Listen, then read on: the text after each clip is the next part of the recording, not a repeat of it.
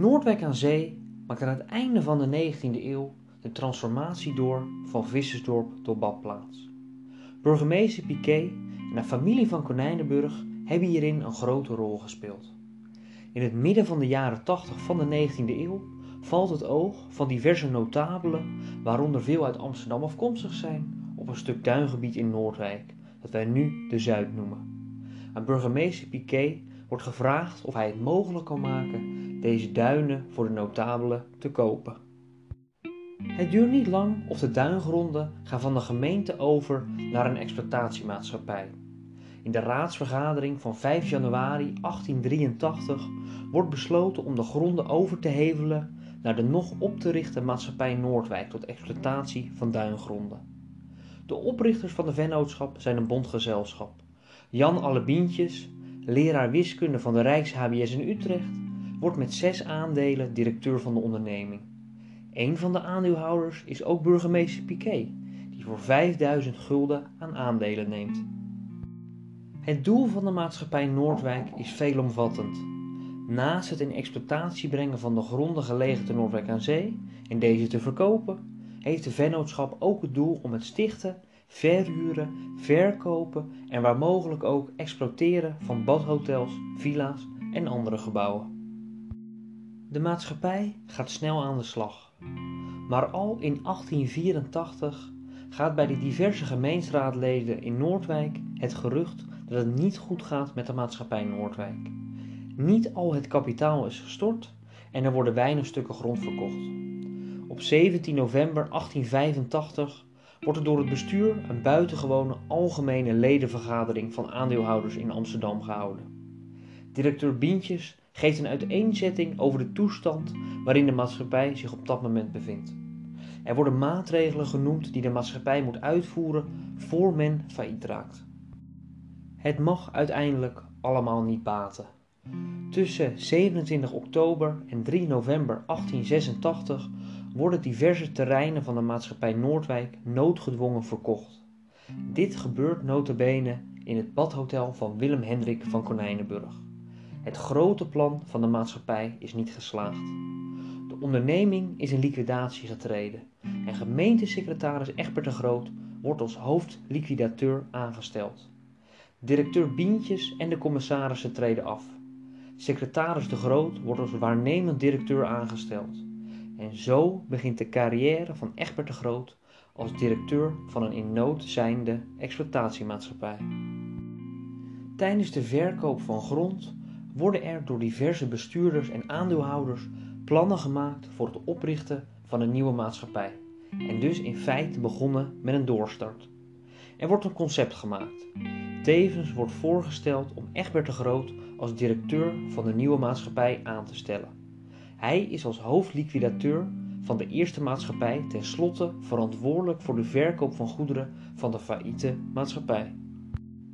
Op 18 juli 1887 wordt voor notaris Cornelis van Maurijk in Amsterdam de Noordwijkse Duin-exploitatiemaatschappij opgericht. Veel aandeelhouders van de eerste maatschappij steken weer geld in de nieuwe onderneming. Egbert de Groot probeert, als secretaris-administrateur, potentiële aandeelhouders over te halen om in de firma te investeren. Het kantoor van de vennootschap is bij Egbert thuis in de Voorstraat. En zo gaat in feite de maatschappij Noordwijk op in de nieuwe Noordwijkse Duin Exploitatiemaatschappij. De doelstellingen van de nieuwe onderneming lijken erg op die van de eerste.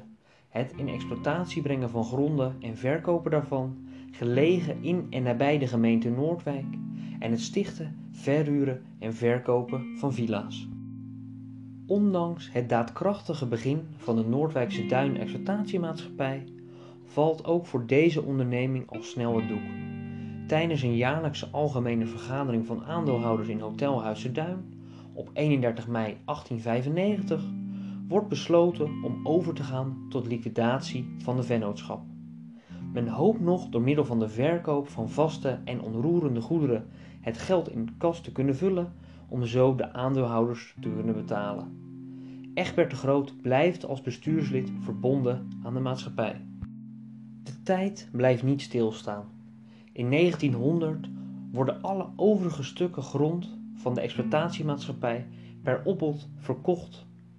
Egbert de Groot wordt gemachtigd door Jacobus van Hoboken, een rijke ondernemer uit Rotterdam. Hoboken is een veelzijdig man, bankier, koopman en distillateur. Op 27 april 1901 besluit Hoboken tot oprichting van een nieuwe onroerend goedmaatschappij. De oprichting van de naamloze vennootschap en duin-exploitatiemaatschappij De Toekomst is een feit. Hier wordt later de Toekomststraat in Noordwijk naar vernoemd. Wederom wordt de Groot in het bestuur van de onderneming benoemd. Behalve een vergoeding van onkosten die de Groot in zijn functie maakt, krijgt hij ook een vergoeding van 500 gulden per jaar en ontvangt hij 5% van het jaarlijkse bedrag aan ontvangsten van de maatschappij. Hij verdient op dat moment als gemeentesecretaris ook al 1200 gulden en eveneens als gemeenteontvanger 400 gulden. Bij elkaar een aanzienlijk bedrag. De functie van directeur van Maatschappij de Toekomst zal Egbert de Groot tot zijn dood in 1921 blijven vervullen. Hij zet duizenden handtekeningen onder koopcontracten en actes. Het notarieel archief Noordwijk zit hier vol mee. De vraag blijft: kan men een functie als gemeentesecretaris en directeur van een exploitatiemaatschappij bij één en dezelfde persoon laten? In deze tijd, onze tijd, zou dat natuurlijk onmogelijk zijn. Belangenverstrengeling viert dan hoogtij. Maar eind 19e eeuw was het toch anders. Met de bril van nu, terugkijkend, zullen we aan de lange verstrengeling denken. Maar toen keek men er toch echt anders tegenaan. Maar toch blijft het in Noordwijk een dubieuze zaak dat de gemeentesecretaris van het dorp ook de functie heeft van directeur van een onroerend goedmaatschappij. Na de dood van Egbert de Groot wordt er een nieuwe directeur gezocht voor de maatschappij De Toekomst. De heer Rochefort Dijk, gemeenteontvanger van Noordwijk, biedt zich aan.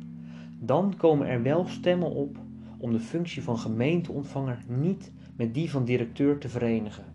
Het voorstel wordt in de gemeenteraad van Noordwijk besproken. De gemeenteraad is het unaniem eens, wellicht met de jarenlange loop van Egbert in het achterhoofd, om te verklaren dat beide functies niet te verenigen zijn. De belangenverstrengeling is te groot.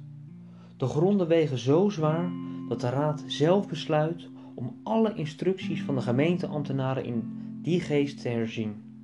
De gemeentesecretaris mag zo zonder toestemming van de raad geen nevenbetrekkingen hebben, die bezwaar kunnen opleveren voor de behoorlijke waarneming van de gemeentebetrekking. Zo is men in Noordwijk op weg naar een stukje professionalisering van het gemeenteapparaat.